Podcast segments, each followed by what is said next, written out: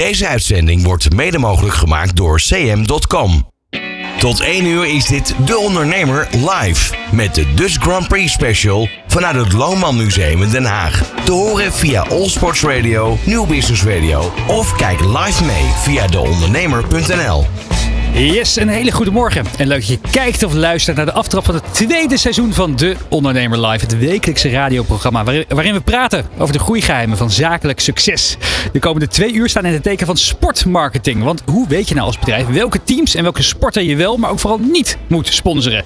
Ja, hoe beland je als bedrijf in de Formule 1 en hoe bereken je het rendement op de investeringen? Nou, dat en veel meer bespreken we de komende twee uur live. En dit keer niet vanuit onze vaste studio op het Mediapark in Hilversum, maar vanuit de centrale hal van het iconische Lauwman Museum in Den Haag. De kijkers op de livestream kunnen dat volgen. Uh, ja, en uiteraard is mijn steun en toeverlaat Roland Tameling ook terug van vakantie. Uh, Zo Roland. is dat. Ja, met al jouw autokennis ben je hier natuurlijk kind aan huis in het Lauwman Museum. Ja, ik heb ook uh, uiterste uh, uitdaging vandaag om geconcentreerd bij de show te blijven. Want ik heb de hele tijd de neiging om rond te kijken en een beetje weg te zwijmelen hier. Het is zo'n bijzondere plek. Absoluut. Voor de, voor, de, voor de luisteraars, beschrijf even wat we zien in, deze, in de centrale hal waar ja. we staan. Ja, op het moment dat je, dat je het Lauwman Museum binnenkomt, heb je altijd een beetje het gevoel alsof je in een kerk belandt. Zo'n enorme hoge ontvangsthal is het. En daar is eigenlijk altijd een wisselende tentoonstelling. Op dit moment de tentoonstelling F1 Legends met legendarische Formule 1 auto's door de jaren heen. En uh, daar gaan we straks ook een rondje omheen lopen. Er staat hier achteraan een hele bijzondere die in Nederlandse handen is. En daar zit een prachtig verhaal aan vast. Um, je, raakt, je, ja, je merkt het al, ik raak weer niet uitgesproken. Nee, ik snap het inderdaad. We praten er zo meteen ook over verder met Roland Kooijman. Hij is de directeur van het Lauwman Museum. Zeker. Daar, daarmee loop je een, een, een, rondje. Heb je nog een, een, een klein feitje? Iets wat veel mensen niet weten over het Lauwman Museum? Nou, ik denk dat het goed is om te benoemen dat je niet moet onderschatten wat de rol is van het Lauwman Museum op internationale schaal. Hè. Wereldwijd wordt het Lauwman Museum en zeker de collectie ook, en Evert Lauwman, de, de, de grote inspirator achter dit museum, wordt op uh, internationaal uh, niveau uh, echt heel hoog aangeschreven. En ook de collectie die hier staat. Het is niet zomaar een kneuterig automuseumpje in, in, in Nederland. wereldwijd wordt hier met heel veel enthousiasme naar gekeken. Ook omdat die collectie super breed is. Er staan hele oude auto's, maar ook relatief nieuwe, unieke auto's van Elvis Presley enzovoorts. Ik moet het kort houden, maar het is waanzinnig. Ik kijk er naar uit om deze uitzending de komende twee uur wederom met je te gaan doen. Helemaal omdat het je verjaardag is. Oh, 37 lentes jong. Gefeliciteerd. En zoveel mensen op mijn verjaardag. Uh, Zo'n groot feest. Ik ben hier ook met een klassieker naartoe gereden. Mijn dag kan nu al niet missen. Ja, een lichtblauwe Mustang staat oh, hier voor de deur. Dus mocht je die willen zien, kom even naar het Lauwe Museum in Den Haag. Ja, het komend weekend, het zal niet ontgaan zijn, is de Formule 1 in Zandvoort. De tweede editie uh, in deze vorm. Uh, ja, wat betekent dat voor jou? We gaan het vandaag niet zozeer over die sport hebben. Maar ja, want daar zijn andere kanalen voor. Hè, en andere journalisten zijn er ook veel meer bedreven in. Maar we gaan het hebben over die zakelijke kant van de sport. Want hoe kan je als bedrijf sport gebruiken als middel voor naamsbekendheid, voor klantbinding en medewerkerstevredenheid? Nou, welke, uh, uh, en welke samenva samenvattingen zijn er allemaal opgevallen? Nou, dat en veel meer de komende twee uur. Dus wil je weten hoe sport jouw zakelijke ambities kan versnellen? Blijf vooral kijken en luisteren naar deze kick-off van het tweede seizoen van De Ondernemer Live hier op Nieuw Business Radio, All Sports Radio en deondernemer.nl. We gaan van start. De Ondernemer Live met de Dutch Grand Prix Special vanuit het Loonman Museum in Den Haag. Te horen via All Sports Radio, Nieuw Business Radio of kijk live mee via deondernemer.nl. Ja, zoals iedere uitzending van De Ondernemer Live hebben we elke twee uur een vaste co-host die met ons meepraat en met de gasten aan tafel. En omdat dit weekend de Dutch Grand Prix voor de tweede keer plaatsvindt in Zandvoort, praten we uh, ja, over marketing. En konden we natuurlijk niet om ze heen. Circuitnaamgever CM.com en Chief Marketing Officer uh, CMO Mark Appel is uh, aangeschoven in de studio. Mark. De hele mond vol. Ja, ja. welkom. Leuk ja, dat je er bent. Fantastisch om hier te zijn. Ja. Ik zit met mijn rug naar alles toe, maar toch vind ik het fantastisch. Het weekend is dus de, de Dutch Grand Prix ja. uh, op het, op het, uh, het cm.com uh, circuit in Zandvoort. Ja, hoe druk ben je dan nog? dat je tijd hebt kunnen maken om hier even twee uur met ons radio te maken, vind ik, vind ik, vind ik een wonder. Ja, en we, werk, we werken natuurlijk met heel veel mensen aan dit, aan dit evenement. En dat begint eigenlijk al een jaar van tevoren. dus dat de vorige Dutch Grand Prix is afgesloten, beginnen we alweer met de voorbereidingen voor deze editie. Hoeveel mensen werken eraan mee?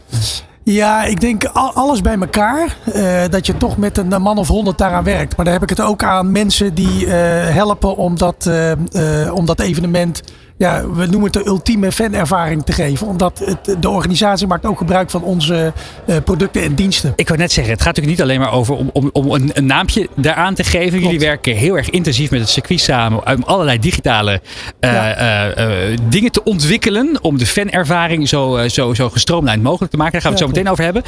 ja, een veelgestelde vraag is natuurlijk voor veel mensen nog steeds: wat doet cm.com? Dus dit is jouw elevator pitch moment. Ja, ja, ja. Nee, waar wij als merk voor staan is dat wij echt in dit digitaal tijdperk willen we eigenlijk een, menselijke verbinding maken. Of organisaties en, en, bedrijven de mogelijkheid geven om een menselijke verbinding maken met hun klanten. Hè, op grote schaal. En tegenwoordig gebeurt dat uh, via kanalen zoals uh, WhatsApp of uh, Instagram messaging. Maar dat je in ieder geval op die manier op grote schaal met je consumenten kunt, kunt, kunt communiceren. Dat is eigenlijk wat we doen. Ja, digitale, digitale tools. Hè, van, eigenlijk van chatbots tot afrekensystemen. Ja. Tot document ondertekenen. Tot, tot ticketing. Ja, er zit nou, gewoon ontzettend veel in. Er zit ongelooflijk veel in. Hoe groot is de organisatie op dit moment? Uh, als je het hebt over het aantal mensen, ja? dan zitten we inmiddels met ruim duizend mensen. Duizend mensen, beursgenoteerd. Uh, we zijn beursgenoteerd. Hoe gaat het aandeel? Sinds, sinds een twee, tweetal jaren, wat zei je? Hoe gaat het aandeel?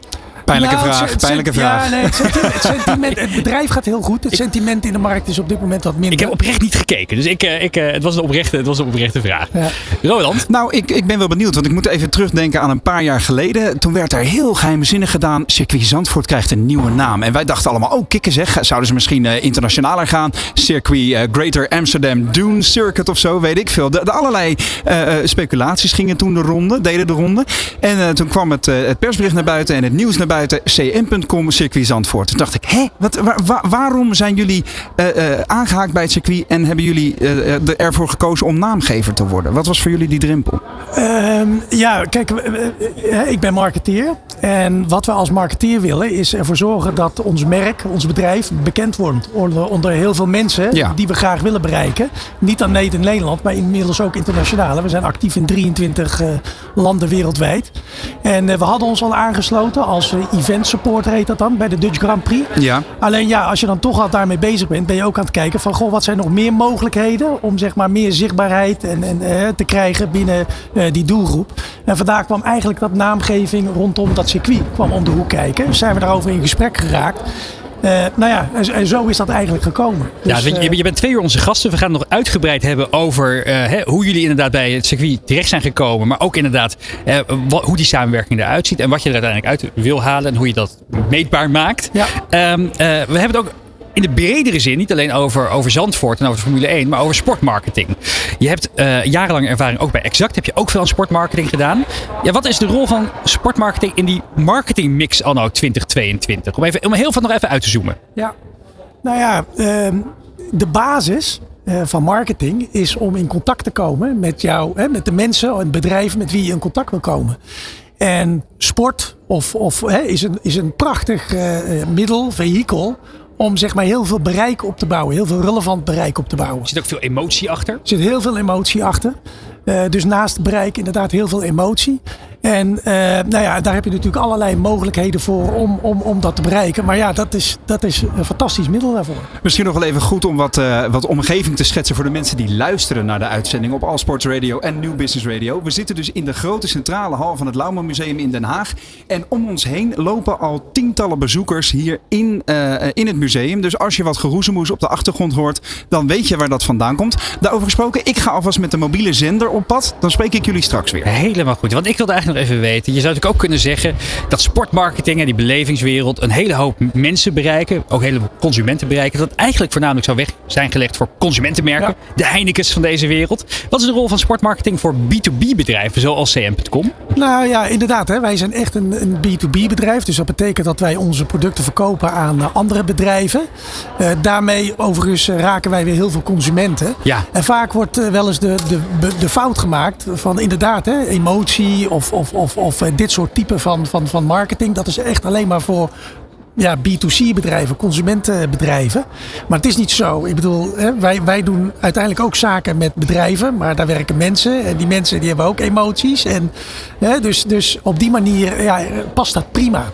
Ja, en is dat prima toe te passen. Ja, je ziet natuurlijk ook bij andere merken. AFAS is een mooi voorbeeld. Die jarenlang of onder meer AZ heeft gesponsord. Maar natuurlijk ook veel bredere dingen doet. Ja. Van Circus Theater tot, eh, tot, eh, tot inderdaad AFAS Live. Is, eh, wat, wat, wat voor B2B merken eh, zijn voor jou een voorbeeld als het gaat over sportmarketing? Ja, ik vind Avals is een, is een mooi voorbeeld. Eh, wat, wat, die wel aardig doen, vind ik, is die koppelen eigenlijk waar ze dagelijks mee bezig zijn, koppelen ze toch een beetje los met het type van marketing wat ze doen. En ze gebruiken dat met name eh, om eh, even ni- het niet te hebben over al die zaken dingen, maar gewoon het gezin mee te nemen naar leuke ervaringen. Hè? Ja. In het circus theater of andere dingen die ze doen. Ehm, dus, dat, dus, dus, dus dat is een heel aardig voorbeeld. Is het ook een beetje een ondergeschoven kindje bij veel ondernemers, denk je? Dus dat ze, dat ze er niet eens aan denken om aan sportmarketing te doen. Omdat ze het heel erg met consumentenmerken eh, eh, eh, associ- ja, die associatie hebben. Ja, misschien wel, omdat je het nog relatief weinig ziet. En nou ja, Formule 1 gaan we het nog over hebben, maar daar zie je wel heel veel B2B-merken zie je daarin. Eh, maar dat, dat klopt. Eh, het wordt natuurlijk heel snel gedacht van jeetje, dat kost allemaal heel veel geld. Nou ja, Formule 1, dat klopt. Maar ja, er zijn nog heel veel andere manieren om zeg maar via sport eh, ja, je, je, je doelgroep te bereiken. En, en wa- hè, wat weer ook een positieve ja, impact heeft op, op jou als bedrijf of jou als merk. Ja, moet het ook, moet het ook eh, een, raakvlak hebben met jouw eigen, eh, met je eigen bedrijfsvoering? Of dat je dat ergens iets raakvlak heeft met de DNA van de organisatie? Nee, zeker, tuurlijk. Dus hè, je, je wil je graag als, als, als bedrijf of als merk wil je associëren met iets eh, wat heel erg bij je past. Hè. Dat is ook de reden waarom wij eh, ons hebben gecommitteerd aan de Dutch Grand Prix. Wat, wat daar aan ondernemerschap en aan lef en ambitie wordt getoond. Ja, daar willen wij wel graag mee geassocieerd eh, worden. Omdat wij ons ook hè, zelf zien als, als, als zo'n type van bedrijf, als zo'n type van merk. Dus nee, heel erg belangrijk dat je daarin de overeenkomsten zoekt. Nou, we praten zo meteen verder over jullie samenwerking met inderdaad het circuit in Zandvoort. Het cm.com circuit in Zandvoort. Maar eerst eh, zenden we deze uitzending, zoals al gezegd, live uit eh, vanuit het Lauwman Museum in, eh, in Den Haag. En eh, op dit moment is er een hele belangrijke tentoonstelling over de historie van de Formule 1 te zien. Nog vijf dagen. Dus iedereen die dat wil gaan zien, moet, moet, moet haast maken. En Ronald Tameling staat op de vloer met algemeen directeur eh, Ronald Kooijman. Absoluut. En inderdaad, Ronald, fijn dat we hier mogen zijn. Dankjewel voor je gastvrijheid. Ehm, op dit moment nog vijf dagen die, die fantastische eh, F1 Legend tentoonstelling hier in, de in de centrale hal. Ik ben altijd eventjes benieuwd. ehm, eh, ik heb jou eerder in, de, in, in, in een radio-uitzending gehad. En toen zei je eigenlijk is het Lauwman Museum ook gewoon een, een bedrijf. Hè? Je, eh, jij als directeur, hoe sta jij in het bedrijf? Ja, boven alle partijen. Maar dat klinkt wat heel aardig al. Nee, als, eh, het wordt geleid als een bedrijf. Ja, er moeten inkomsten komen. En bij, eh, wat wel anders is bij- ten opzichte van het no- normale bedrijfsleven. We hebben geen winstoogmerk. Maar we moeten wel natuurlijk de boekhouding op orde hebben. Dus dat betekent dat heel veel musea, de meeste musea, krijgen subsidie. Of ze hebben een mecenas. En ja, je begrijpt hem al, het Lauwman Museum. eh, de familie draagt bij aan eh, de continuïteit van ons museum. Ja, onder andere de importeur van Toyota en Lexus in Nederland. Hè? En ehm, jullie hebben opnieuw de focus heel erg op de autosport. Ehm, eh, we staan hier bijvoorbeeld achter jou de Ferrari 500 F2 van Alberto Ascari uit 1952. Hoe belangrijk eh, is, is autosport in, ehm, in het trekken van mensen naar het museum? Ja, nu heel belangrijk. Het is actueel. Eh, Max Verstappen ja, is, is hot. Eh, misschien wel eh, de hit op internet met Google. Ik weet het niet, maar het speelt, het leeft. En eh, het mooiste is, eh, 4 september, zondag aanstaande, is natuurlijk Zandvoort. Ja. Ook de laatste dag voor de tentoonstelling. Dus wij lopen mee met die hype. Laten we daarover eh, over lopen gesproken eventjes rustig door de zaal heen lopen hier. Op het moment dat, eh, dat we zien dat er toch al heel wat, eh, wat volk ook in het museum aanwezig is. Hoeveel mensen komen hier zeg maar, op jaarbasis? Eh, de jaar voor corona, 163.000. Eh, dit jaar is niet een volledig jaar, want in januari waren we nog drie weken dicht. Dus bijna eh, nog, eh, nog geen mensen. Maar we lopen na januari echt voor, op, voor corona, zeg maar. Oké. Qua bezoekersaantal. Ja. En eh, hoe ingewikkeld, of laat ik het zo zeggen, hoe zorg je dan dat er zoveel mogelijk mensen blijven komen? Eh, publiciteit, onze reclamecampagne eh, met het prachtige beeld van de ja, F1 Legend. Hè, met die drie auto's, eigenlijk een beetje de topstukken van de tentoonstelling. Die auto van Ascari, auto van Fancho en een auto van Jim Clark. Natuurlijk een, een, een, virtuele race, want het is 1952, 1955 en 1965. Uh, maar ja, dat is een prachtig beeld wat aanspreekt. En veel publicity, omdat toch mensen liften op, uh, op Zandvoort. En ook ja, heel veel bedrijven of heel veel partners ook van het circuit en van Formule 1. Ja, die komen hier ook graag, want dit is de historie van Zandvoort wat hier staat. Ja, dus eigenlijk zeg je dat het om meer mensen binnen te halen heel belangrijk is om ook op de actualiteit aan te haken. Absoluut. En dat doen we dus nu. Want die, die, van de zeven auto's die er staan, zijn er zes winnaars staan hier. Of sorry, vijf winnaars staan hier. En ja, dat is mooi. En over de hele, uh, de hele lengte van zeg maar, het runnen van het museum en continu die nieuwe um, uh, tentoonstellingen moeten bedenken. Hoe A, doe je dat? En um, wat merk je dan aan het type bezoeker en de hoeveelheid aan bezoekers die binnenkomen? Nou, je probeert altijd op de actualiteit in te spelen. Maar sommige actualiteit wil je juist niet inspelen. Je hebt dit jaar bijvoorbeeld 75 jaar Ferrari. Dat doet iedereen. Dan denk ja, dat, waarom moeten wij dat doen? Uh, we willen wel uniek zijn in een bepaalde manier. Nou, Zandvoort is uniek voor Nederland. Wij zijn uh, in de wereld een van de mooiste musea. Behoren wij toe in de wereld. Dus wij moeten hier wel op inspelen. Vinden we wel een beetje aan de stand verplicht. Ik wil niet zeggen dat het altijd lukt. Hè. We hebben altijd wel ideeën, drie, vier ideeën voor tentoonstelling. Ook voor volgend jaar al. Je hoeft niet te vragen wat, want dat ga ik toch niet zeggen. Dat ik wil dan zeggen, nee, dat, uh, dat houden we nog een beetje onder de pet. Ja, maar het hoeft niet actueel te zijn. Maar als het actueel kan zijn, dan moet je het niet laten. En dit is natuurlijk act uh, absoluut actueel. Ja. Um, wat zou, wat jou betreft, Remy stelde net in de studio de vraag aan mij van, joh, wat is wat jou betreft het unieke aspect van, uh, van het Lauwman Museum? Als jij um, het wereldwijd zou moeten, moeten uitleggen aan iemand die nog nooit hiervan gehoord heeft, waar, waar staat het Lauwman Museum wat jou betreft wereldwijd? Ja, je niet anders verwacht nummer één, maar dat klinkt wat arrogant. Maar wat wij al uniek doen in de wereld, is dat wij de hele geschiedenis vertellen van de automobiel. Dus vanaf het eerste begint dan dat er eigenlijk nog rijtuigen waren met een motortje, tot aan Formule 1. En dat doet niemand, want iedereen laat altijd een stukje zien uit de geschiedenis. Of alleen raceauto's, of alleen uh, auto's uit een bepaald land, of auto's uit een bepaalde periode. Nou, wij laten alle landen zien, de mijlpalen in de techniek, uh, de, de, uh, de, de verschillende periodes. Dat doen we dus heel breed. Dus we zijn uniek dat we niet specifiek een keuze maken naar een stukje uit die geschiedenis. En dat maakt ons echt uniek. Ja. En over de unieke auto's gesproken die hier in de centrale hal staan. Hoe lastig is het om die apparaten naar, naar Wassenaar slash Den Haag te krijgen hier? Nou, alles staat op wielen. Dus dat op zich kan. Nee. Ja, maar ze mogen niet de weg op. Nee, ze mogen niet de weg op, uh, maar ze kunnen wel rollen. Dus dat maakt het wel makkelijk. Ja. En met gesloten tra uh, transport komt het hierheen. Het is wel uniek dat uh, uit zes verschillende landen deze auto's afkomstig zijn. Ja. Dus van verschillende musea, van particulieren en ook een belangrijke collectioneurs zijn deze auto's. Dus het is wel uniek dat het bij elkaar gekomen is. Nou, dat bedoel ik eigenlijk ook. Want hoe ingewikkeld is het dan om uit jullie netwerken die mensen naar binnen te halen? Ja, de, of die auto's? Het netwerk is groot en de, de, onze naam wordt ook steeds bekender. Ook bij mensen die mooie auto's hebben, mooie collecties. Ook al zijn ze nog niet geweest. We hebben nu een auto uit Amerika, uit Engeland en Frankrijk. Nou, die, eh, eh, Zwitserland, eh, Nederland uiteraard. En Frankrijk. Nou, één, de collectioneur uit Amerika is nog niet hier geweest. Maar die werd hem verteld door een collectioneur in Europa. Dus je moet je auto echt aan beschikbaar stellen. Want dit is een serieus museum. Nou, zo werkt het. Ja, ja dus mond mond reclame doet een hoop. Ehm, we staan nu bij de Lotus van Graham Hill, 1967. Ehm, ik ken jou ook als iemand die zo'n beetje alle details van alle auto's in dit museum kent. En ik, ik hang dan altijd aan je lippen. Wat zou jij kunnen vertellen aan de mensen die nu kijken en luisteren over deze auto specifiek? Ja, dit, dit is de laatste auto in, de, in, de, in onze, eh, of de, jongste auto uit onze expositie, 67. Wat ik het leuke vind, dat deze auto de motor eh, achterin heeft, de, de zogenaamde Ford Cosworth motor. Ja. Dat is ook een hele belangrijke motor geweest, want ze hebben eh, maar liefst 176 uh, Prix gewonnen met die motor. En die motor was voor alle teams beschikbaar. Dus voor 7000 dollar kon je die motor kopen. Hè. Kon je meedoen. Dan moest je wel carrosserie laten maken. Ja. En die motor maakt echt onderdeel uit van het, van het chassis. En de auto is uit 1952, vol van de Ascari, de eerste auto. Zit de motor nog voorin. Een aparte motor. En die hele evolutie, die zie je hier. In die eerste jaren, van de eerste 20 jaar. Het is wel mooi ook even om uit te leggen voor de luisteraar. De Lotus die hier staat uit 1967 is dus echt zo'n, ja, stel je voor, een sigaar op wielen. Hele smalle cocon met uh, wielen op alle hoeken. En daarachter dus een blootliggende motor met daarop de kelken uh, die, die de lucht aanzuigen. En daar achteruit de achterkant enorme uitlaatpijpen. Geen spoilers nog in die tijd. Hè? Max Verstappen en consorten rijden tegenwoordig met enorme spoilerfabrieken, aerodynamische auto's. Dit was eigenlijk nog relatief simpel. Hè?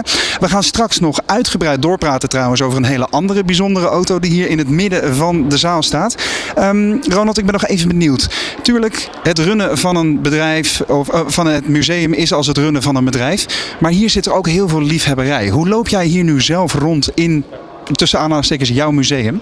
Nou, met, met, met uh, trots op twee, twee, twee pijlers. Eén, dat die auto's hier zijn. En de andere kant is, ja, er komen ook veel bezoekers op af. Want deze auto's zijn om niet beschikbaar gesteld. Alle bruiklijngevers. Ja, natuurlijk, de out-of-pocket kosten die betalen wij. Maar er staat ook meer omzet tegenover. En uh, dus dat, dat, ja, op die manier sta ik erin. Uh, wat ik overigens ook leuk vind, dat misschien ook heel goed past bij jouw programma.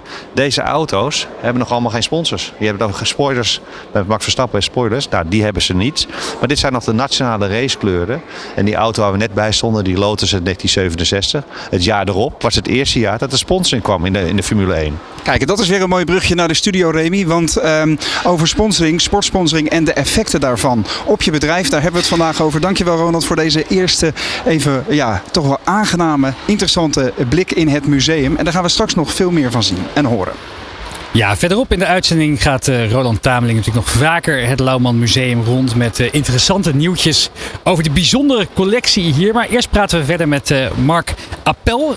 Is het, zo spreek je het uit, toch? Nee, nee gewoon Mark Appel. Mark Appel, ja. wel Mark Appel. Ik, Appel. ik dacht een soort Franse, Franse slag eraan te geven. we praten verder met Mark Appel, Chief Marketing Officer van CM.com over de rol van sportmarketing. Ja, in de mix om te werken aan naamsbekendheid en klantenbinding. Ja, Mark, het komende weekend is natuurlijk de tweede editie van de Dutch Grand Prix in deze huidige vorm. Uh, jullie zijn als CM.com hoofdsponsor en naamgever van circuit Zandvoort. En we zijn natuurlijk benieuwd, ja, hoe krijg je dat voor elkaar? Maar ook op beginnen bij het begin. Ja, hoe is die samenwerking tot stand gekomen? Uh, ja, Wie dus, heeft die opgezocht? Ja, uh, uh, zeg maar, de, oorspronkelijk begon, begint het bij het verhaal bij uh, Prins Bernhard Junior. Samen met zijn compaan, met zijn zakelijke partner. Die besloot en die, kopen? Ja, die ging een circuit kopen. En zeg maar, in, in, toen dat allemaal gebeurde, toen, ja, die mannen die spreken allemaal met elkaar. En Jeroen van Glabbeek, dat is onze CEO, dat is de oorspronkelijke oprichter, samen met Gilbert Gooijs van het bedrijf. Uh, nou, die spreken elkaar regelmatig. En toen kwamen die plannen werden ontvouwd. En uh, nou ja, Jeroen en Gilbert beide zijn enorme ondernemers puur sang.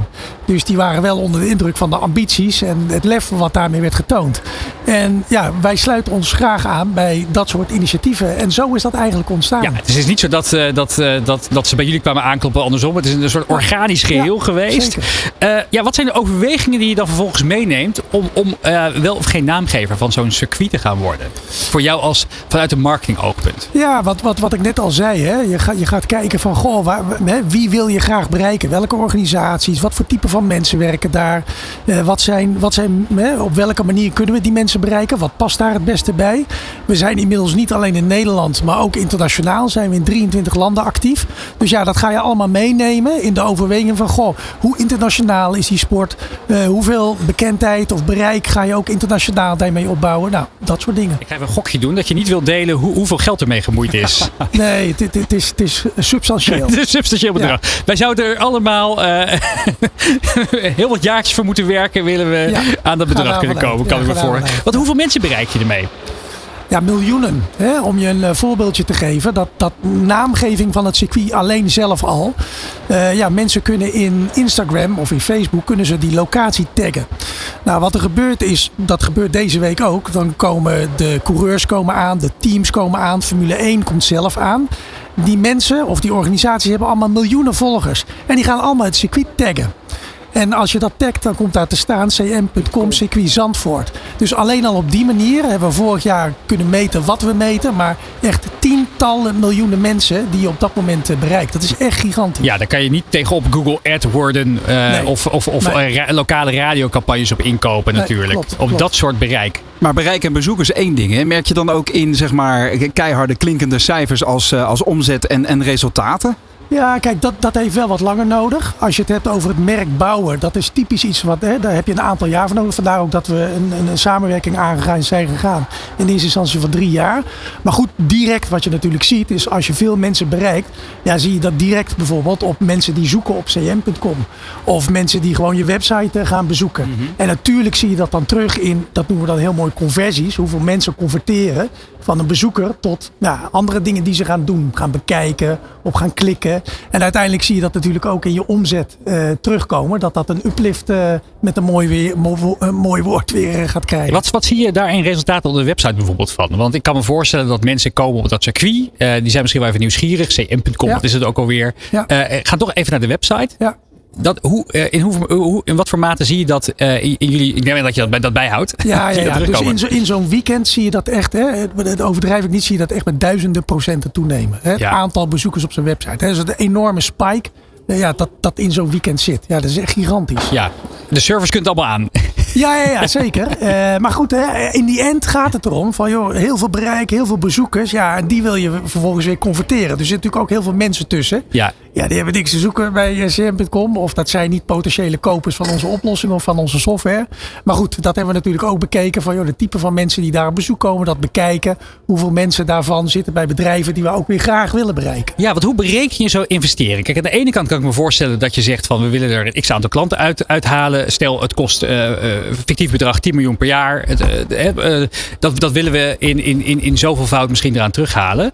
Maar tegelijkertijd eh, levert natuurlijk ook heel veel op inderdaad naast bekendheid of merkbeleving. Of weet je, je maakt het bedrijf ook gelijk aantrekkelijker waarschijnlijk voor talent. Ja, Door, eh, doordat je dit soort eh, initiatieven hebt. Nee, Omdat ze het, het- het beleving, het gevoel krijgen bij Ja. je merk. Nee, een heel goed punt wat je aanstipt. Want vanuit marketing zijn we primair hè, zijn we bezig om onze potentiële klanten te bereiken. Maar inderdaad, we hebben andere doelgroepen die we willen bereiken. Hè. Inderdaad, potentiële medewerkers, collega's. En dat heb ik al gemerkt bij Exact, maar dat zie je nu ook. Is dat dat enorm helpt in je, ja, we noemen dat heel mooi, employer branding. Ja. Dus dat mensen eh, ons gaan herkennen en graag bij ons zouden willen werken. Ja, en zeker in een competitieve arbeidsmarkt. Helemaal in die. IT-industrie is dat natuurlijk een belangrijk component. Ronald, ik zag jou net eventjes schuin kijken bij mijn, bij mijn fictieve opmerking van 10 miljoen. Wat denk jij? Nou, dat is eh, zeer conservatief geschat, heb ik het idee. Maar, eh, maar weet je, ergens ben ik nog wel benieuwd naar ehm, of het effect daadwerkelijk zo is dat mensen zien, oh, daar staat, zij zijn naamgever van het circuit, daar wil ik werken. Dat, dat, dat, het klinkt een beetje als wishful thinking. Hoe zorg je nou dat je daadwerkelijk het rendement eruit krijgt? Nou, eh, om je toch een voorbeeldje te geven. Wij zijn bijvoorbeeld heel erg op zoek naar softwareontwikkelaars. En softwareontwikkelaars zijn mensen die houden van technologie, eh, die houden van eh, gadgets. Eh, ik kan je vertellen dat, eh, op het, hè, dat, dat wij dat sponsoren. En dus op een of andere manier, op die manier worden geassocieerd met snelheid, met veel technologie, met veel data. Dat trekt dat soort mensen aan. Toch wel. En toch werkt dat zo. Ik heb dat ook hiervoor gezien bij Exact. Hè, daar hadden we ook moeite om softwareontwikkelaars aan boord te krijgen. Het feit dat we daar Max Verstappen gingen sponsoren, dat heeft enorm geholpen. Gewoon Dat omdat je meer top ook. of mind wordt dus. Ja, zeker. Ja, ja. Ja, en ook nog binnen dat, hè, binnen dat soort type van mensen die ook heel veel affiniteit hebben met technologie, met data en dat soort dingen. Hoe, wat zou jouw eh, advies zijn aan, eh, aan kleinere organisaties? Je hebt natuurlijk heel veel ervaring in dat bij Exact. Dat was al een, een, een, serie, een enorm grote, serieuze internationale speler toen je erbij kwam. CM.com wederom. Het is een internationaal opererend bedrijf. Eh, ik denk dat ook heel veel andere ondernemers denken... oh ja, nou, misschien, misschien ben ik wel overtuigd van het feit dat zelfs als B2B bedrijf... ik toch misschien een keer zou kunnen gaan kijken inderdaad naar, eh, naar sportmarketing. Want het is interessant. Eh, het doet blijkbaar dus ook veel voor, mijn, eh, voor, voor de aantrekkingskracht van talent voor mijn organisatie.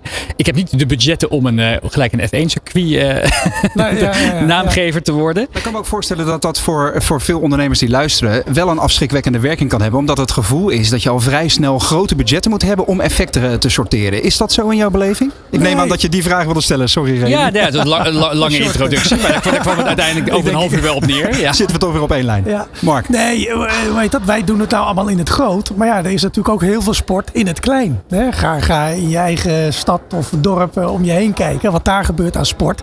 Ja, je kunt dat in het klein gaan toepassen. En die regels. sponsoren. Ja, ik bedoel, en, en die regels hè, van, rondom marketing, dus het bouwen van bereik, het opzoeken van, van jouw potentiële klanten, waar ze zitten. Ja, dat, dat werkt ook. Hè, die blijven precies hetzelfde. Die We hebben trouwens nog wel een heel interessant eh, voorbeeld eh, van later in de show. Iemand die inderdaad een heel origineel idee heeft bedacht op de lokale sportvelden. Dat, eh, dat is eh, straks. Ja, ik ben nog heel even benieuwd van wat is eigenlijk de next big thing? Eigenlijk heb je, heb je niet de, het summum van de sportmarketing al bereikt met de naamgeving van een circuit waar gewoon de Formule 1 op wordt geraced. Dus heb je nog een soort ja, intrinsieke wens als marketeer om nog iets ooit in jouw carrière een nog groter evenement, bijeenkomst, venue, eh, eh, een naam te Max geven? Verstappen natuurlijk. Ja, kijk, wij, wij, wij, wij sponsoren nu de Dutch Grand Prix. Eh, hè, bijvoorbeeld die wereldwijde sponsorships. eh, nou, later zitten ze ook in de uitzending. Hè, zoals een Oracle of een Salesforce. Ja, dat, dat, dat, eh, oh, dat mag ik niet met elkaar doen. Maar dat is fantastisch. Dat, zijn, dat, dat vind ik echt wel. dat is ook weer next, dat is het next level, zeg maar. Daar lonk je nog een beetje naartoe. Ja, als, er, ja. als er inderdaad dankzij die sponsoring van, van het circuit al die klanten naar cm.com zijn gegaan, dan Ja, is dat de volgende stap. Ja, De Ondernemer live met de Dutch Grand Prix Special vanuit het Lohman Museum in Den Haag. Te horen via All Sports Radio, Nieuw Business Radio of kijk live mee via deondernemer.nl. Ja, Mark Appel van cm.com maakte al een heel erg mooi bruggetje. Max Verstappen wordt niet in zijn eentje wereldkampioen. Dat doet hij met een heel team. Maar zonder de juiste tools zijn zelfs de slimste techneuten stuurloos. Vandaar dat Red Bull de samenwerking opzocht met technologiegigant Oracle. En onder de noemer Oracle Red Bull Racing veroveren ze inmiddels circuit naar circuit en titel na titel.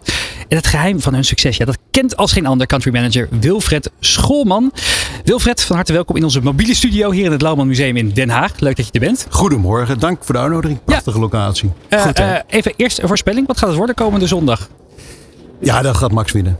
Ja, Ja, heb je zondag gekeken? Nou, ik wilde net zeggen, hoe zat jij zondag voor, voor de buis? Want eh, Max die startte zo'n beetje achteraan en reed gewoon soeverein naar één. En ik ken jou als een nou, enorme ik dat autoliefhebber, we, eh, autosportliefhebber. Van geluk mogen spreken dat er in de sport ook zoiets als gridstraf eh, bestaat. Want daardoor was het een geweldig spannende en een super gave wedstrijd. Anders dan, je had die gewoon met twee seconden per rondje weggereden. Voor de duidelijkheid, Max, eh, Max had wat, eh, wat motoronderdelen die waren vervangen. Daardoor moest hij verder aan eh, op de grid Ja. achteraan starten. En, en dan wordt hij getriggerd. En dan gaat hij als een idioot naar voren rijden op Spa. En dat was echt nou, kippenvel op alle plekken. Hè? Ja, zelfs de kwalificatie eh, in Q3 heeft hij niet eens afgemaakt. Eh, We hadden het er net over, Mark. Hij stond de koffie te drinken toen de rest nog bezig was. En, en ja, hij stond er 1,8 voor, eh, seconden voor Hamilton. is, ja. het, is het dan nog wel een spannende wedstrijd komende zondag voor je? Ja, dat is zeker een spannende wedstrijd. Ik denk ook de hele beleving, eh, wat, wat eh, CM neerzet, wat Dutch Grand Prix eh, neerzet. Ja, dat is een fantastische belevenis. eh.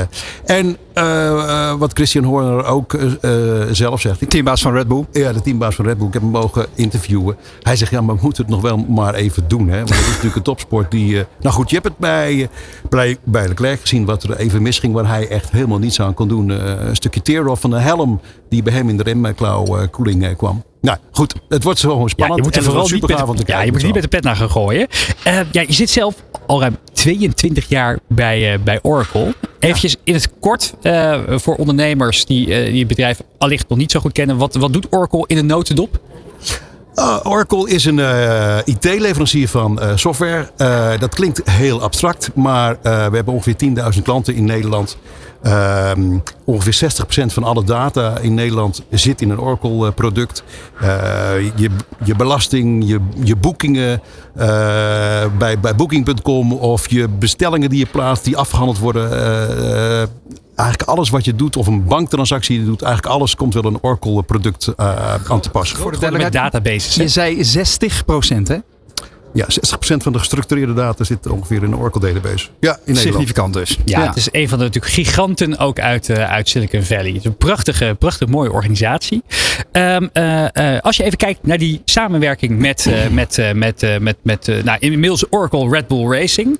Ehm, ja, wat voor, hoe helpen jullie het team als, eh, met jullie technologie om beter te presteren? Want ik geloof dat zelfs eh, eh, Christian Horner, je noemde hem al eventjes, de teambaas heeft gezegd, ja, zonder de data-analyse en de systemen van Oracle dus hadden wij nooit wereldkampioen geworden. Ja, dat klopt. Eh, nou, wij, sponsoren eigenlijk in eh, sportsmarketing als we ook zelf een actieve en toegevoegde waarderol eh, kunnen hebben. En eh, dat doen we bij, bij Oracle Red Bull Racing eigenlijk op, eh, op drie manieren. Op dit moment waar de, waar de teams open open zijn, eh, eh, Oracle en, en Red Bull samen. Eh, ik word er ook veel naar gevraagd, maar eh, waar, eh, waar Christian Horner open open is, eh, tijdens de race, tijdens een raceweekend, wordt er ongeveer een miljard aan race simulaties gedaan. een miljard keer een race simulatie uitgevoerd. Ja, dus de computer doet een fictieve race, Ja. eigenlijk tegen zichzelf zou je kunnen zeggen. Met allemaal verschillende variabelen, En misschien aan verschillende bandensoorten. scenario's, Ja, ja. scenario's. Scenario's. Dus voordat wij instapten eh, was dat een factor 1000 minder en een factor 10 langzamer. Dus dat scheelt een, een factor eh 10.000 eh, in totaal. Ja, Dus ze kunnen veel meer scenario's verwerken. Eh, om te kijken wat moeten we doen. En dat zie je terug. Eh, afgelopen weekend zie je Max rondrijden op, op een rode band, de zachte band. Perez, Perez, eh, Jaco Perez die rijdt rond op de gele band, de medium band. En gaat toch eerder naar binnen om vervolgens 100 meter voor Sainz op de baan terug te komen. En je ziet ook dat, dat Red Bull dit seizoen eh, tactisch, voor mijn gevoel tenminste, echt mijlenver voor staat bij, Ja. eh, bij Ferrari, om maar eens wat te noemen. Toch de, de grootste concurrent. Ja. Is dat dan direct een gevolg van de bemoeienis van Oracle? Tijdens de race zitten twee eh data-analysten een miljard scenario's te verwerken. Niet allemaal, maar de meest geschikte scenario's worden bekeken. Dus halen we Perez naar binnen. Dus komt hij voor Sainz op de baan terug. Ja, over Maar je miljarden ziet wat gesproken. Ferrari doet. Ferrari haalt, eh, Ja? haalt, eh, haalt Leclerc binnen om nog een puntje te pakken voor de snelste ronde. En komt eh, net tekort om eh, voor, voor eh, Russell te blijven. Ja, het kan echt een sportshow worden, hoor je dit, Remy? Daar moeten we voor waken. Dat moeten we. Maar als we, het, als we het weer eens zakelijk trekken. Je zei net al miljarden keren race simulaties. Maar ik weet ook dat je niet zomaar titelsponsor wordt van een Formule 1 team. Hè? Het is notabene Oracle Red Bull Racing. Dus niet Red Bull Racing Oracle. Nee, Oracle Red Bull Het klinkt ook wel beter, moet ik zeggen. Eh, Dat, ja, inderdaad, het bek lekker. Maar, maar dat word je niet zomaar. Ehm, ik kan me zo voorstellen dat je niet gaat eh, ontsluiten met hoeveel we te maken hebben. Hoe groot dat bedrag is. Maar kun je ons wel meenemen naar het begin. Hoe word je nou partner van zo'n team? Ja, Zakelijk. nou, eh, tegen mijn vrienden zeg ik altijd. eh, eh, Red Bull zei, Red Bull geef je vleugels. En toen zeiden wij, nou oké, doe ons de achtervleugel. maar zo is het niet gegaan. Maar hij doet het altijd wel goed. Ja, Maar, dat wel- eh, ja, wel nee, Oracle is een echt B2B-merk. eh, en onbekend bij het grotere publiek. De, de andere grote cloud-leveranciers, eh, Microsoft, Google en Amazon, zijn, hebben ook een hele grote B2C-tak. En, en bekender in, de- bij, de, bij de consument.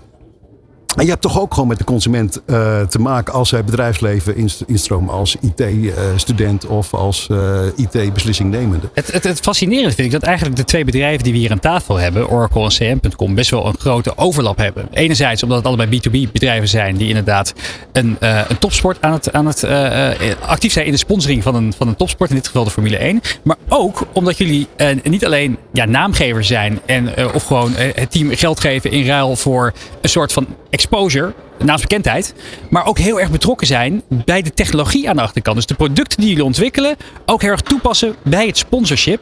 Mark, eventjes de vragen daarover. Hoe, hoe, we noemden het in het begin van de uitzending al eventjes. Hè. Hoe werkt dat bij jullie met het circuit, eh, met het circuit Zandvoort?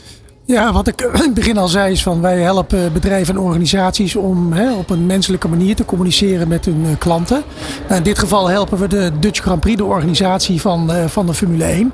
eh, om ook te communiceren met hun klanten. Dat begint eigenlijk al met de aankoop van een ticket. Dus mensen die bij een ticket hebben aangekocht, dat gaat allemaal via onze platformen. En daar begint eigenlijk de eerste manier van communicatie. En dan de hele, zeg maar, het hele toeleven naar het, naar het evenement zelf.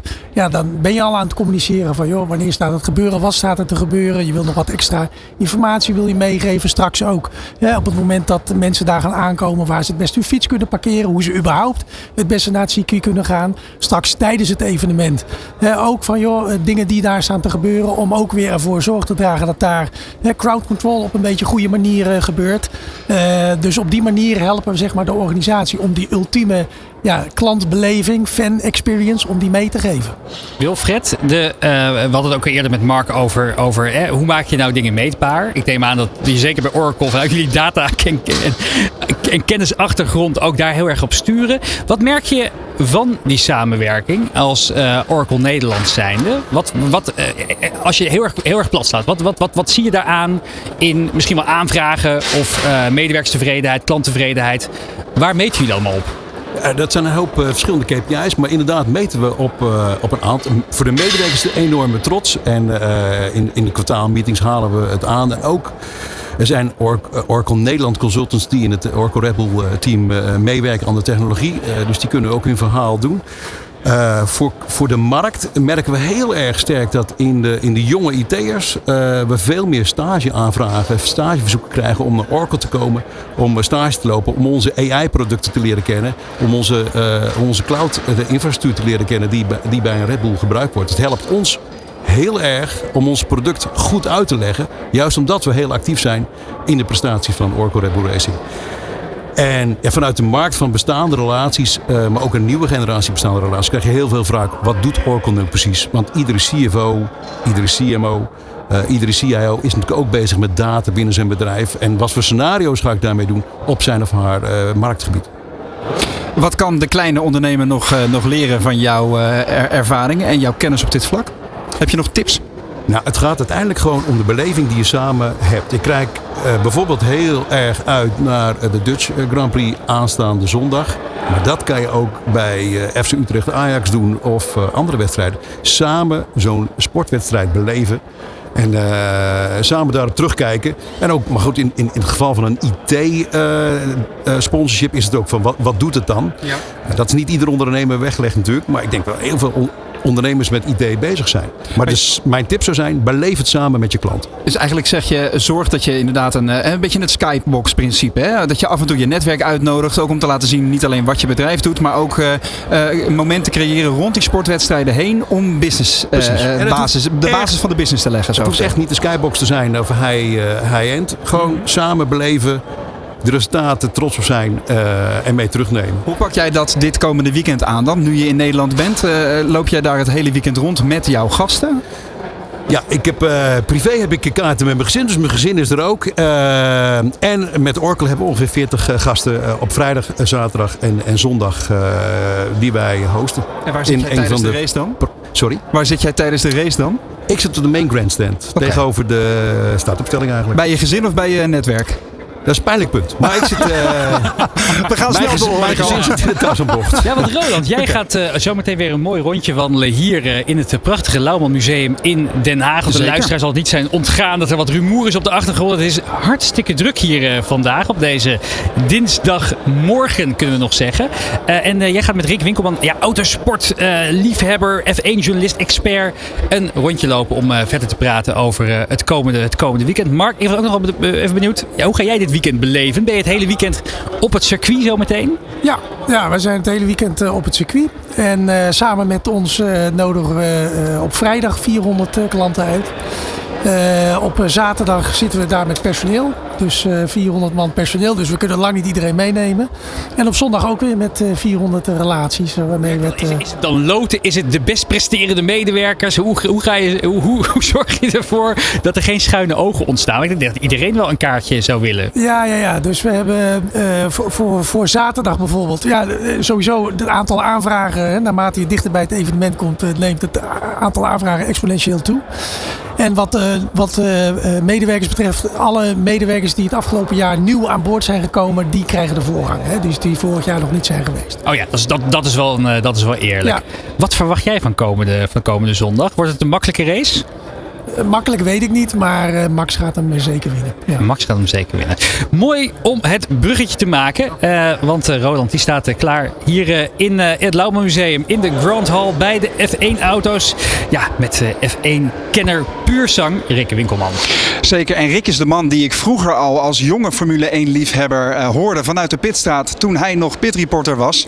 en, en Rick, tegenwoordig ben je onder andere commentator bij, bij Ziggo Sport. Hè? En, en daar ook inderdaad Formule 1-kenner. Op dit moment staan wij achter of bij de Mercedes-Benz W196 uit 1955, waar uh, Juan Manuel Fangio toen overwinningen in heeft geboekt.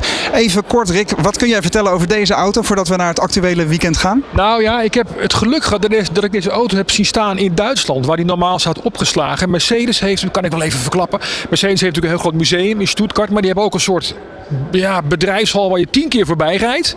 En daar staan de auto's die niet in het museum passen je wil het niet weten wat er allemaal staat. Ik mocht niet zeggen waar het was. Als we, we hebben wel een beetje gefilmd, maar mochten niet de bovenkant filmen. Dan kon je sensoren zien met bewaking en alles en dat soort dingen. En daar stond deze dus ook. Vlak voordat hij naar uh, Nederland werd gebracht om hier in het Lauwman Museum neer te zetten. Mm -hmm. Dus het is gaaf om nu hier iets mooier opgepoetst te zien staan. Maar ja, dit is natuurlijk een hele bijzondere auto. Auto van Fangio.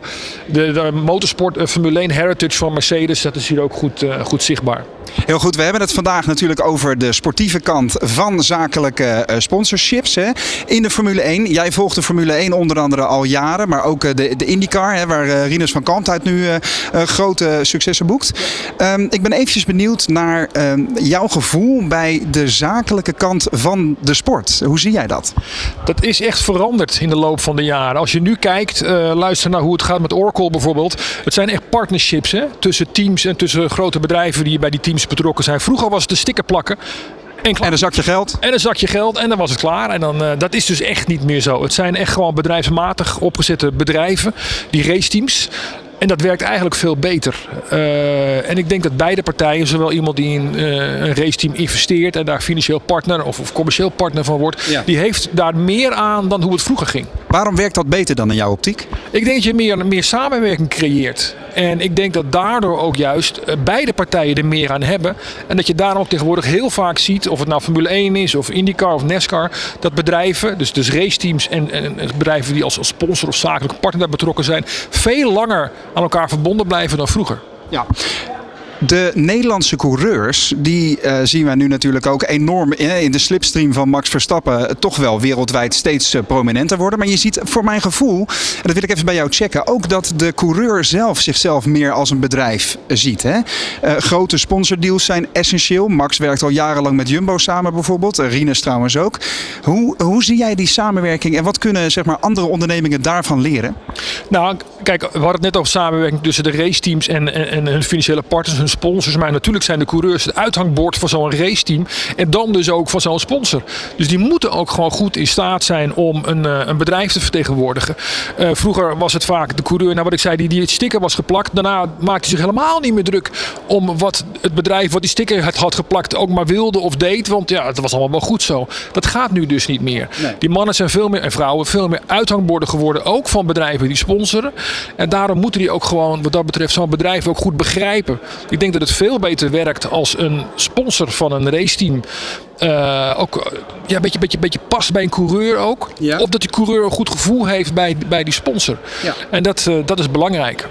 Laten we ondertussen even naar de meest spectaculaire auto's uh, lopen die hier in de ontvangsthal van het Lauwman Museum staat. Een Arrows, daar gaan we het straks over hebben. Een auto die in 1985 nog vele malen spectaculairder was. Je kunt het bijna niet voorstellen dan de auto waarin Max tegenwoordig rijdt. En um, een Arrows, daar heeft de vader van Max ooit ook ingereden. Niet in deze, maar wel in en de laatste jaren van Arrows. Als we de tijd van Jos even vergelijken met de tijd van Max, wat zijn dan de verschillen? Bedoel je tussen Jos en Max? Nou, ik bedoel eigenlijk vooral met uh, A, hoe Jos en, en nu Max in de Formule 1 zijn gekomen en hoe zij hun, hun bedrijfje runnen, zo gezegd. Um, ik denk dat Jos uh, heel veel heeft geleerd van de tijd dat hij in de Formule 1 zat en in de Formule 1 probeerde te komen. En veel van die lessen die hij heeft geleerd, dingen die goed gingen en slecht gingen, of het nou is als coureur of als het nou is als iemand die een uithangbord was van een, van een sponsor, heeft hij allemaal onthouden, opgeslagen en vertaald naar hoe hij daarmee Max kan helpen. Wat is de belangrijkste les, denk jij? Nou ja, kijk, um, uiteindelijk gaat het toch om het talent wat Max van zichzelf al had. Maar dat moet je ook zien te, zien te verwerken. Daar moet je als Formule 1-coureur mee om kunnen gaan. Je moet op een bepaald moment, los van talent, moet je ook gewoon hier beter begrijpen wat een team wil. Uh, de, de, de strategie van een race. Dat is het belangrijkste. Max had een basistalent uit zichzelf. En Jos heeft dat gewoon fijn geslepen. Ja. En uh, wat bij Jos een stuk minder goed was, is bij Max een stuk beter. Uh, de sociale aspecten. Nu is het anders, hè? Maar toen, toen Jos racete, ja. toen, nou, toen was hij veel meer gesloten dan dat Max nu is. Max veel meer een open boek. Mm -hmm. En ehm, dat is dan misschien weer de invloed van de moeder van Max, weet je wel. Dat het een mooie mix is, die racete ook. Maar die was ook wat, wat open en wat, wat losser dan dat Jos dat was. En um, dus het talent heeft hij van zichzelf. Maar daarnaast is het zeker ook Jos die daar een rol in heeft gespeeld. Ook hoe hij zich uh, uh, moet gedragen uh, naar buiten toe. Hoe die bedrijven moet vertegenwoordigen. Alleen je hoeft er maximaal heel weinig van dat soort dingen te leren. Ja. En als we nog een beetje uitzoomen naar de organisatie achter de Formule 1. Het, uh, voorheen is het jarenlang onderdeel geweest van, nou, laten we zeggen, het conglomeraat onder Bernie Ecclestone. Een hele oudere meneer die toch wel wist hoe het, hoe het moest, vond hij zelf. Tegenwoordig is het onderdeel van een Formule 1 Management, een hele grote Amerikaanse club. Ik merk ook een andere benadering van het fenomeen en het, het item um, Formule 1. Hoe, hoe denk jij, staan, staan zij erin en hoe benaderen zij de Formule 1 als bedrijf. Ja, Ecclestone werd omschreven als Formule 1 dictator. Hij bepaalde, soms ging het vestzak, broekzak, dat soort dingen. Dat gaat nu niet meer. Liberty Global is natuurlijk de eigenaar van, uh, van de Formule 1. Dat is een hele grote multinational. Uh, dus die hebben natuurlijk andere regels ook als bedrijf zijnde. Um, wat je nu ziet, waarvan ik een beetje denk, oeh, als ze maar niet doorschieten, is wel heel erg veel aandacht voor het entertainment gehalte. Natuurlijk is sport entertainment. Autosport is dat ook. Maar als dat bijvoorbeeld betekent dat je in Las Vegas gaat racen of in Miami gaat racen, dat lekker bekt. Formule 1 Las Vegas, Formule 1 in Miami. Prima, maar dan worden er waardeloze circuits neergelegd. Met een nep, uh, nep uh, zwembad onder andere. Ja, dat zal nog tot daar aan toe zijn, maar dat is voor het plaatje. Maar de ja. baan zelf ook. En je moet niet vergeten, het gaat wel in eerste instantie om de sport. Natuurlijk wil je die sport financieel gezond houden. En natuurlijk moeten daardoor dingen worden geregeld. En misschien hier daar wat offers worden gebracht. Alleen die circuits. We hebben nu in uh, Qatar en Abu Dhabi en Singapore. Dat is trouwens wel een goed stratencircuit. Las Vegas weten we nog niet. Miami het begint allemaal iets te veel op elkaar te lijken. Omdat ze vinden dat het, uh, dat het, dat het goed klinkt. En ja, daar moeten ze een beetje mee oppassen. Wel een beetje ook nog de historie van de autosport en echte circuits. Uh. Ik snap het. Dus eigenlijk uh, zichtbaarheid is belangrijk, maar je moet oppassen dat het niet te veel vernetflixt. Nee, dat is precies de goede uitdrukking. Maar gelukkig hebben we ook nog circuits als Zandvoort. Uh, en die, ja, die hebben natuurlijk de benchmark gezet. Ook hoe ze het allemaal organisatorisch, financieel, commercieel, PA-matig hebben gedaan. Maar ook het echte goede circuit. Dus dat is de ideale mix eigenlijk. Kijk, over goede circuits gesproken. Dankjewel Rick. Ik ga nog even door naar de andere meneer die hier naast mij staat. Roel Schonemark, want uh, uh, ik heb het over circuits. Kom lekker even naast me staan Roel. jij bent van Parabolica. Niet voor niets vernoemd naar een van de beroemdste bochten op het circuit van Monza hè, in Italië. Wat doet Parabolica? Nou, wij restaureren uh, Formule 1 auto's en brengen ze terug op het uh, circuit. Maar nog belangrijker, we gaan ook het verhaal van die auto's uh, vertellen. Hè? Zoals we naar deze auto kijken. We staan hier niet voor niets toevallig bij die Arrows waar ik het net over had. En de, deze Arrows, dat is een unieke Arrows. En niet alleen omdat hij 1400 pk had als een raket reed. Maar ook omdat deze auto is de enige auto ooit in de Formule 1 die over de finish is geduwd en een podium heeft gehaald. Hè? Dus die was een race, dat was met Thierry Boutsen, de Ayrton Senna reed in die race, viel uit. Uh, Alain Prost reed, dacht dat hij hem uh, won, viel uit. Er waren heel veel coureurs die uh, vielen uit. Waarom? Dat was een benzinereglement dat, dat ze niet meer benzine mochten gebruiken. En dat had, daar had Boutsen had er ook last van. Dus die dacht dat hij zesde lag. 100 meter voor de finish valt de motor stil en denkt, god. Dus hij ziet die finish, hij duwt die auto in een laatste poging nog over de finish. Hè? En hij uh, denkt dat hij zesde finisht. Komt later, komt hij rustig de pits inlopen. Je moet naar het podium, je moet naar het podium. Je hebt gewonnen. Ah, dat is waar zitten. En dat is deze auto. Hè? En je, je had het net over hè, van waar Formule 1 niet uh, te veel moet vernek, vernetflixen met de rik. Ehm? En dat, kijk, en de, voor de Formule 1 is een grote kans om de verhalen van dit soort auto's te vertellen. Dat zijn auto's authentieke verhalen. En het leuke is, het is een periode dat hè, de Formule 1 is altijd hoe, welke regelgeving heb je en hoe ga je ermee om. Dus veel dingen die, die ze proberen, hè, maar je hebt, uh, die ze een beetje geheim willen houden. Maar we zijn nu 40 jaar later. Deze auto is extreem en die coureurs, de engineers, die kunnen nu hun verhaal extreem uh, vertellen. Uh, zonder dat ze, hè, ze kunnen nu hun geheime prijs geven. Zoals deze auto had geen benzine, maar had raketvloeistof. Werd door Bas F in Duitsland gemaakt in opdracht ja. van van BMW. En dat waren, dat waren dingen die. Uh, het probleem van die uh, raketvloeistof was dat die auto heel hard ging. Hij had 1400 pk. Maar het nadeel was dat het kankerverwekkend was en dat het nog wel eens explodeerde. Dus. Het is bijzonder om te horen dat je zeg maar, de hele geschiedenis van deze auto in twee minuten een heel boek vertelt, Roel. Maar dat is dus waanzinnig. Maar ik ben ook nog even benieuwd naar de, de zakelijke kant van de keuze om dit soort auto's dan weer. Hè, je vindt hem, je gaat hem rijdend terugbrengen op de baan. Waarom dacht je, hier zit een bedrijf in, Parabolica? Ja, nou, het, ik doe dit uh, samen met uh, Ernest Kloors en uh, de mechaniciens. we hebben allemaal een grote passie voor de autosport. Allemaal Formule 1 ervaring. Um, en wat wij zeg maar zien is dat die Formule 1 auto's die worden niet gemaakt voor, om hier eigenlijk te staan. Hè. Die worden gemaakt om te racen. Zes auto's maximaal per, per seizoen. Zeker in deze tijd hè, was dat zes auto's en dan crash er een paar. Dus er zijn er maar een paar van over. Ja. Ehm, maar die auto's werden op een gegeven moment werden eens verzameld zoals kunst werd verzameld. Hè. Mensen verzamelen hun... hun je hebt mensen die gewoon Ferraris verzamelen. En, maar je hebt dan ook nog een groep die verza verzamelt Formule 1 auto's. Dat is bijzonder. Maar al die Formule 1 auto's zijn gestript uh, van elektronica, van uh, geen motoren meer. En Maar de ultieme droom van elke verzamelaar is om deze auto weer terug op het eh, circuit eh, te zien. Maar zit daar ook een verdienmodel in dan? Want we moeten alweer afronden. We gaan zo terug naar de studio. Maar zit hier een verdienmodel in of is het vooral liefhebberij? Nee, hier moet eh, een verdienmodel in zitten. maar we hoeven er niet rijk van te worden. Hè. Dus dat, dat is niet de insteek. Maar wij willen graag dat die auto terugkomt op het circuit. En dat moet financieel aantrekkelijk zijn. En wanneer kunnen we deze dan weer zien rijden, Roel? Nou, mijn droom is toch om deze volgend jaar in Imola, waar die over de finish is geduwd, om daar weer te zien. Of bij de volgende race in Zandvoort. Dus. Fantastisch. Als je meer wil weten over deze, deze Arrows A8 uit 1985, dus weer in ere hersteld door Parabolica. Uh, check dan inderdaad vooral even jullie website. Dat is? Parabolica.racing. Maar kijk ook anders even op Blauwman, op het Blauwman Museum site. Er staat ook een film. Of kom inderdaad nog voor 4 september hier naartoe. Remy, ik hobbel weer rustig terug richting de studio. Dankjewel Roel. De Ondernemer live met de Dutch Grand Prix Special vanuit het Lohman Museum in Den Haag. Te horen via Allsports Radio, Nieuw Business Radio of kijk live mee via deondernemer.nl. Ja, je hebt nog maar vijf dagen om hier te komen kijken naar die fantastische tentoonstelling F1 Legends in het Lauwman Museum in Den Haag. Maar ik kan iedereen van harte aanbevelen. Het ziet er echt fantastisch uit. En ik denk dat het zelden is dat je zo'n collectie aan bijzondere historische F1-auto's bij elkaar zult zien. Dus mocht je in de buurt zijn, kom vooral eventjes uh, even buurten. We praten nu verder met onze co-host van vandaag, Chief Marketing Officer van CM.com, Mark Appel, over het belang van sportmarketing voor ondernemers. En ook met Country Manager Nederland van Oracle, Wilfred Scholman. Uh, ja, Mark, eventjes nog even over jou. Je bent tegenwoordig Chief Marketing Officer CMO van CM.com, maar daarvoor was je acht jaar lang de Global Marketing Director bij Exact.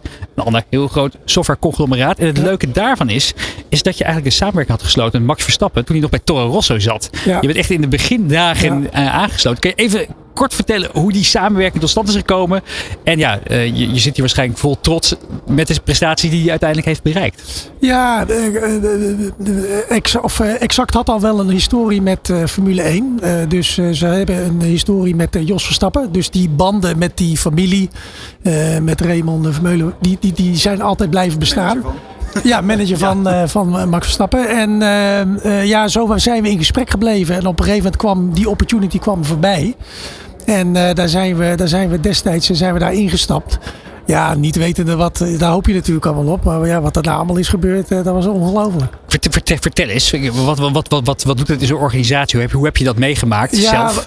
Wat mij nog bij is blijven staan, is uh, dat was uh, de eerste race die hij ging rijden voor uh, Red Bull.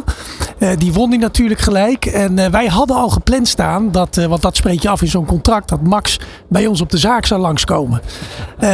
om ja, de, de personeel op te zwepen, et cetera, et cetera.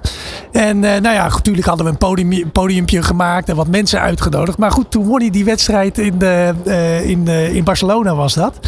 En nou, toen hebben we die week, want hij zou op een donderdag komen. Nou, toen hebben we zoveel opgeschaald. Wat wat, wat Even aankleding. Een gebeld. Ja, echt ongelooflijk. en, toen, op, en toen is die... Uh, middag is ook uh, in onze, hoe heet dat, in onze gym, is daar een uitzending van Pauw is daar toen opgenomen. Dat moest allemaal geheim blijven, et cetera. Dus ja, dat was, dat was een enorm gekhuis. Was. Dat was echt fantastisch. Onverwacht succes ineens ja, eigenlijk. ja, Wilfred, hoe heb jij dat beleefd? Je vertelde eerder in de uitzending dat je in geval Christian Horner, de teammanager van, van, van, van Red Bull Racing, tegenwoordig inderdaad de Oracle Red Bull Racing hebt, mogen interviewen. staat een, een, een een lang 1 op 1, 24 uur met interview met Max Verstappen nog op je wensenlijstje? Oh, dat zou prachtig zijn, ja. ja. ja. hoe, hoe, ga je hem overtuigen daarvoor? Of, of staat het al in het contract opgenomen? Nee, nee, dat staat niet in het contract opgenomen. Nee. Wij, uh, wij sponsoren uh, Oracle Red Bull Racing en we sponsoren niet uh, Max persoonlijk. en de, de vraag aan Christian Horner komt echt vanuit de markt. Heel veel klanten vroegen aan mij en aan Oracle Nederland. wat doet Oracle dan voor Red Bull, Oracle Red Bull, behalve dan een sticker? En nou, dat heb ik met Christian mogen doornemen en met, met klanten kunnen delen, ja. Wat heeft hij verteld waar je het meest trots op was? Wat is je bijgebleven? Nou, hij zegt eigenlijk de sport uh, is heel erg gegaan in een restrictie van op de baan testen. He, nog maar een paar uh, dagen op de baan testen. Heel erg restrictie van windtunnels. Dus alles is bij ons naar uh, IT-simulatie gegaan om dat op te vangen. Dus dat doen we met Oracle. Uh, de hele fan engagement, de, beleving van fans en het contact houden met fans doen ze met Oracle software. En uh, ze werken aan de nieuwe motoren voor 2026. Het ontwerp uh, met, met Oracle software om de om de kamers voor, waar de benzine erin gaat te ontwerpen. Nou, zo zie je maar hoe sportmarketing niet alleen maar gaat inderdaad over een labeltje ergens opplakken om een meer naamsbekendheid ja. te krijgen, maar echt meer en meer over samenwerkingen, ook op technologisch vlak. Uh, dankjewel dat je daarvoor je verhaal hier wilde doen, Wilfried Schoolman van Oracle. Zometeen na de break praten we verder met Mark Appel, Chief Marketing Officer van CM.com, over sportmarketing, maar ook over de samenwerking met het circuit in Zandvoort. We gaan er even dus uit voor de, voor de, uh, voor de break. En na de break uh, praten we onder meer ook met Jumbo Visma. Ja, over, uh, over, uh, ja, wielrennen, over, over wielrennen. schaatsen, van alles en nog wat. En dat wordt weer heel, heel tof. Want we hebben een hele andere benadering van sportmarketing en sponsorcontracten. Gaan we over, over praten met Marijn Zeeman, een van de, de architecten van die aanpak. En dat wordt zeer de moeite waard. Ja, en we hebben een ondernemer die heeft weer een innovatief marketingconcept voor sportverenigingen. Om ondernemers onder de aandacht te brengen. Zijn we natuurlijk ontzettend benieuwd naar. En krijgen we als taart Jan Lammers, sportief directeur van GP Zandvoort, hier te gast. Om te praten over zijn weekend van het jaar. Die Formule 1 komende zaterdag, vrijdag, zaterdag en zondag. Blijf eens kijken en luisteren naar Nieuw Business Radio, All Sports Radio en deondernemer.nl. De Ondernemer live met de Dutch Grand Prix Special vanuit het Lohman Museum in Den Haag. Te horen via All Sports Radio, Nieuw Business Radio of kijk live mee via deondernemer.nl.